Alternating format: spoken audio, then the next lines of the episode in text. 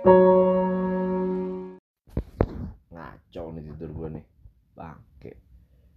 Sekarang jam 3 pagi 4 November 2021 4 November 2021 tuh kayak ulang tahun sesuatu deh.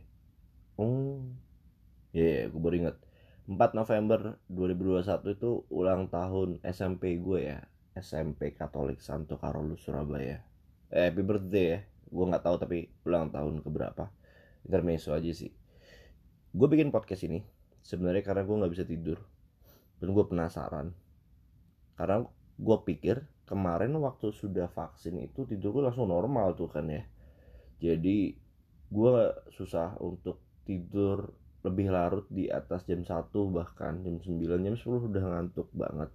Sekarang mulai balik susah tidur lagi dan gue harus menyelidiki sebenarnya uh, eh, gue sakit apa. Ini gue ngobrol begini jelek banget al-alnya banyak. Jadi uh, banyak orang yang ngerasa lu tuh tidak insomnia lu tuh overthinking katanya kan. Insomnia itu katanya kalau lu tidur. Misalkan tidur sampai pagi atau subuh tapi bangunnya pagi itu insomnia. Tapi eh, katanya kalau misalkan lu tidur pagi misalkan jam 7 bangun jam 12 itu katanya cuman geser doang tidurnya. Ini gue coba cari tahu aja sih gue tidak berniat melucui kali ini. Cuman memberikan sedikit informasi yang enteng gitu ya.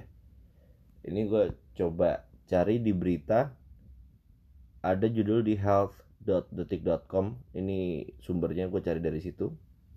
Tidur selalu larut malam apakah berarti insomnia? Ini penjelasan dokter yaitu kan. Dengan title atau judul uh, berita yang clickbait itu kan eh, lagi nih susah nih menghilangkan eh. gue salut nih ya sama podcaster podcaster handal yang tanpa e gitu ya. Tapi tidak yang rame-rame. Kalau yang rame-rame gue nggak terlalu respect biasa aja. Kalau yang sendiri tidak banyak e nya gue salut. Dan apalagi uh, announcer atau penyiar radio yang tanpa e ketika menyiarkan sendirian. Kok menyiarkan? Apa bahasanya? Sebagai penyiar waktu menjalankan tugas sebagai penyiar sendirian itu keren. Ah balik lagi ya masalah begadang ya. Jadi penjelasan dokter ini menurut health.detik.com ini gue sedikit bacain ya e, tidur selalu larut malam atau dini hari tidak selalu menandakan anda mengalami insomnia dokter mengatakan bisa saja anda mengalami gangguan tidur lain yang disebut sebagai gangguan irama sirkadian menurut dokter Astuti SPSK dari klinik gangguan tidur RSUP Dr. Sarjito Yogyakarta Mengatakan insomnia merupakan gangguan tidur yang meliputi sulit untuk memulai tidur, sulit mempertahankan tidur atau sering bangun saat tidur dan bangun terlalu awal. Oleh karena perlu dilihat apakah kebiasaan tidur larut malam seseorang memiliki gejala-gejala tersebut. Kalau misal karena pekerjaan jadi sering tidur larut malam atau dini hari, tapi enggak masalah tidurnya dalam artian selesainya jam 2 pagi lalu bisa tidur nyenyak cukup waktunya 7 jam berarti bukan insomnia. Nih harus dengerin ya. Itu namanya gangguan uh, irama sirkadian. Ada istilah-istilah begini nih yang gue harus hmm, belajar ya. Katanya ini bahasa Inggrisnya circadian rhythm atau irama sirkadian atau ritme sirkadian. Gue langsung cari ya di Google. Hmm ritme sirkadian. Ritme sirkadian adalah proses internal ini di Wikipedia ya. Proses internal dan alami yang mengatur siklus tidur bangun yang diulangi kira-kira setiap 24 jam. Ini dapat merujuk pada proses biologis yang menampilkan osilasi endogen entrainable sekitar 24 jam. Apalagi nih entrainable nih? Mungkin uh, siklus hidup ya Ritme 24 jam ini digerakkan oleh jam sirkadian dan proses ini telah diamati secara luas pada tanaman, hewan, jamur, dan cyanobacteria. Istilah sirkadian berasal dari bahasa Latin. Circa yang berarti sekitar atau kira-kira dan diem yang berarti hari. Studi formal tentang ritme biologi sementara seperti ritme harian, pasang surut, mingguan musiman dan tahunan disebut kronobiologi. Gue kan jadi ngapain bacaan Wikipedia. Intinya kalau lu misalkan tidurnya cuma geser itu bukan insomnia katro. Karena kan banyak ya orang yang ngerasa misal nih hmm, apalagi mahasiswa ya buat dosen-dosen kalau misalkan lu ada kuliah pagi terus tahu mahasiswa lu datang telat atau bahkan nggak kuliah dan alasan saya insomnia bapak. Saya insomnia ibu. Mending lu langsung kasih nilai E udah gitu aja ya nggak apa-apa. Kalau lu mau disiplin mah disiplin sekalian nggak usah nanggung nggak usah kentang. Langsung kasih nilai E suruh ngulang lagi di semester berikutnya atau di tahun berikutnya. Jangan terlalu dikasih jarak ya jangan terlalu dikasih uh, buffer buat orang-orang yang punya tindakan indisciplinary atau tidak disiplin gitu ya. Apalagi masih muda. Kita sebagai manusia-manusia yang berusaha menggapai mimpi setinggi langit harusnya kan punya persisten ya persistensi atau apa ya usaha untuk mencapai sesuatu itu yang cenderung meningkat tidak malah stagnan ataupun turun. Itu namanya persisten gitu ya naik terus itu nah gua gua lumayan mengerti nih akhirnya ya. Kalau tapi tapi bisa jadi meskipun tidur uh, mundur ya ke jam 7, jam 5, jam 4, jam 3 mungkin itu masih bisa disebut begadang. Ini gue baca lagi ternyata menurut alodokter.com banyak kondisi buruk menanti Anda karena efek begadang. Kok nggak sehat semua ya yang gue baca. Sejauh ini belum ada informasi tentang efek begadang yang baik bagi kesehatan. Waduh, ini maksudnya gimana nih? Orang-orang ini mungkin mungkin menurut medis kali ya karena ada yang begadang terus dapat duit itu kan efek yang baik ya. Tapi ini efek yang baik bagi kesehatan tuh nggak ada katanya kalau begadang. Namun sebaliknya kondisi kurang tidur sebagai salah satu efek buruk dari begadang dapat membuat kondisi fisik dan mental menjadi lebih buruk. Hal ini berkaitan dengan manfaat tidur untuk tubuh manusia. Ada banyak alasan mengapa seseorang sering begadang. Misal kebanyakan main game. Buat lu semua player Mobile Legend yang mungkin tidak pro-pro amat sebaiknya Anda tidur. Jangan bikin rusuh. Jangan bikin toxic dari teman-teman yang lain yang pengen berkarir atau mencapai rank lebih tinggi. Kacau nih kadang-kadang. Masih ada jam-jam segini kalau lu main Mobile Legend pasti aja bocil bocil tol. Mungkin in real life orang-orang ini tidak bocil. Tapi kelakuannya kayak bocah baru dibeliin HP sama ortunya ya. Ya, ya gue pernah cerita di story gue terkait bocil ini. Yang ini loh kalau lu lihat di nomor pernah ada anak-anak kerengek-kerengek ternyata ibunya sorry itu saya ini ini mohon maaf sebelumnya. Tidak dalam uh, kondisi ekonomi atau taraf kehidupan yang baik atau skala ekonomi ke bawah bukan menengah bahkan di bawah gitu loh tapi anaknya ngerek-ngerek beliin dong ini voucher Google Play di Indomaret Alfamart kan juga jual tuh kan. Ibunya tuh gue lihat HP-nya HP begini dan ini HP ibunya gue yakin ibunya soalnya nggak lagi megang HP ini anaknya juga ngerengek-ngerengek gue beliin buat kalau nggak salah Free Fire waktu itu deh. Ini bocah-bocah app-app nih agak perlu di ini ya coaching. Lanjut efek begadang yang buruk bagi kesehatan nih Selain mengantuk berlebihan dan sering menguap, kurang tidur akibat begadang akan berpengaruh pada kondisi emosi, kemampuan kognitif, dan fungsi otak. Hmm. Efek begadang bagi kesehatan juga termasuk meningkatkan resiko penyakit seperti diabetes, obesitas, tekanan darah tinggi, kanker, dan penyakit jantung. Nah, ini nih yang perlu dibikin penyuluhannya sama pemerintah jangan cuma rokok. Rokok kan wajib nih merokok dapat menyebabkan ke gangguan kehamilan janin menyebabkan impotensi jantung. Ah gitulah gue lupa lupa lupa skripnya gimana tulisannya. Gue coba cek oh ini nih gue bisa baca. Gue gue ngerokok lupa gue merokok sebabkan kanker tenggorokan layanan berhenti ah bukan lagi. Ada yang panjang dulu tuh. Nah begadang tolong dibuat iklan layanan masyarakatnya gitu loh misal nih begadang dapat menimbulkan gangguan emosi, kemampuan kognitif dan fungsi otak serta bisa meningkatkan resiko penyakit seperti diabetes, diabetes sorry, obesitas, tekanan darah tinggi, kanker dan penyakit jantung. Gitu harusnya pemerintah tolong dibantu supaya begini-begini itu di apa ya diberikan penyuluhan supaya kita sebagai manusia itu sadar bahayanya tidur pagi atau begadang. Selain hal-hal yang disebutkan di atas nih gue lanjutin ya bacanya. Ternyata banyak resiko yang menyertai kebiasaan buruk untuk seorang begadang. Mari kita telah satu persatu efek begadang. Pertama menambah berat badan.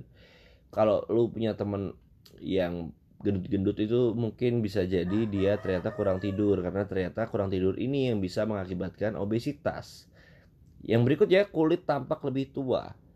Hmm, jadi kalau lu punya temen yang mukanya tua itu bisa jadi karena dia kebanyakan begadang ya. Padahal umurnya misalnya 18 tapi kayak 31 tuh misalkan. Umurnya hampir dua kali lipat ya karena begadang. Wah males juga. Katanya kenapa kok bisa menyebabkan kulit tampak tua? Eh, hormon pertumbuhan yang dilepas dalam jumlah sedikit ketika begadang membuat hormon kortisol dilepaskan dalam jumlah yang lebih banyak atau hormon kortisol itu buat yang belum tahu hormon stres hormon yang dirilis karena lu stres Hormon ini bersifat memecah belah kolagen pada kulit. Padahal kolagen adalah protein yang membuat kulit lebih kencang dan elastis. Hmm.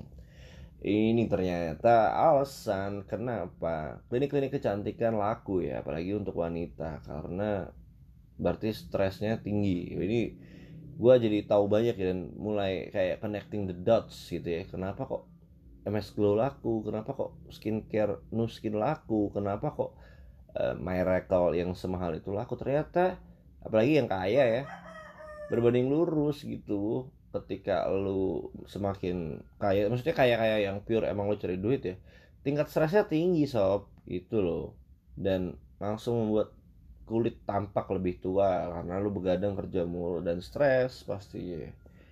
Terus kita cari lagi pelupa. Wah ini ini adalah salah satu ciri gua ya pribadi. Karena gua punya short term memory loss apalagi ketika misalnya ngomong apa. Misalkan gak usah ngomong apa orang sama gue udah sebutin nama gue lupa 5 menit. Nggak sampai 5 menit semenit setelahnya gue lupa kalau nggak gue tanya dan gue ulang-ulang lagi namanya berarti lupa itu bisa jadi disebabkan karena adanya tindakan begadang tadi ya. Maksudnya lu keseringan begadang gitu. Kok formal begini?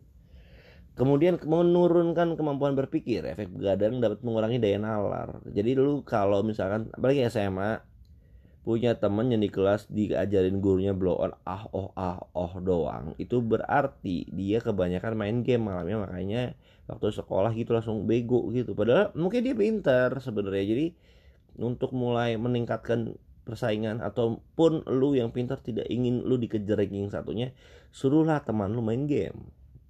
Sepintar apa pun orangnya dia akan jadi blow on karena kurang tidur gitu kan. Terus ada lagi bisa menyebabkan depresi. Ya karena tadi ada hubungannya dengan tidak stabilnya si emosi ya.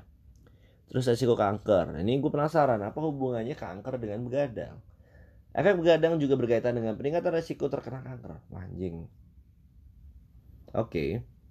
ini penelitian menunjukkan bahwa mereka yang memiliki kebiasaan tidur atau sering bekerja di saf lagi shift malam hari memiliki resiko terkena kanker lebih tinggi.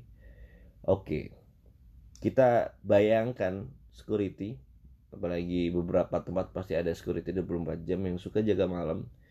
Ini tolong para kantor yang lainnya juga bisa memperhatikan dalam sisi kesehatan karyawannya di mana sudah jelas ketika shift malam dia punya resiko tinggi untuk terkena cancer.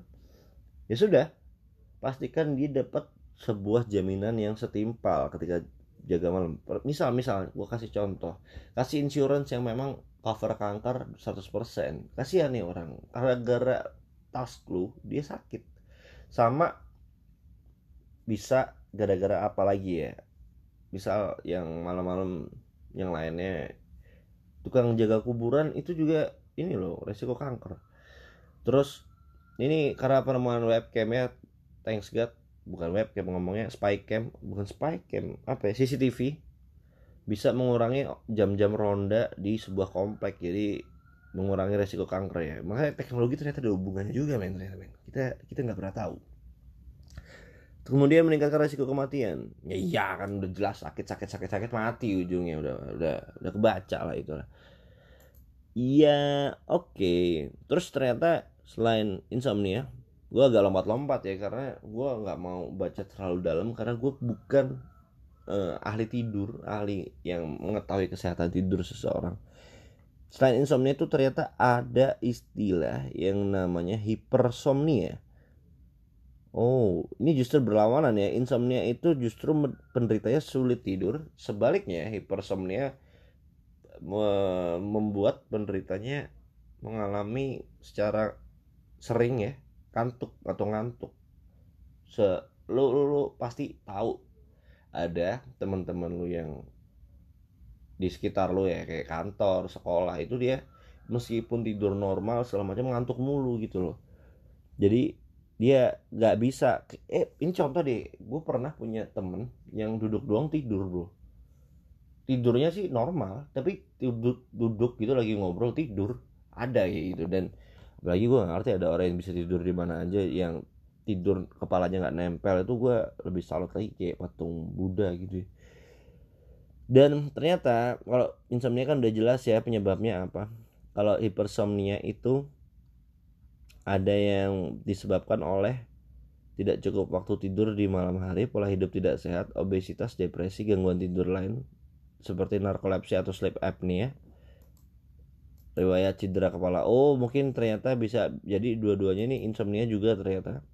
Eh, bisa disebabkan oleh ini kepala lu kebentur apa gitu kalau mungkin lu kecelakaan nggak pakai helm terus kepala lu keparut aspal ya mungkin gara-gara itu men. Kita kita nggak tahu ya. Itu bahaya lu ternyata lu, lu harus segera selidiki ya masalahnya apa dan oh ada lagi. Gue jadi penasaran ini gue agak lanjutin dikit ya sleep apnea itu apaan. Sleep apnea adalah gangguan tidur yang menyebabkan pernafasan seseorang berhenti sementara selama beberapa kali saat tidur.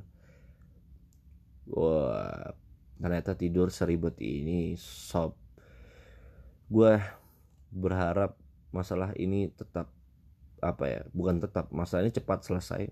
Buat gue terutama susah tidur dan mengorok. Gue katanya ngorok kata orang-orang yang pernah tidur sebelah gue dan mengganggu katanya. Untuk orang yang tidak terbiasa tidur sebelah orang yang suka mendengkur ya.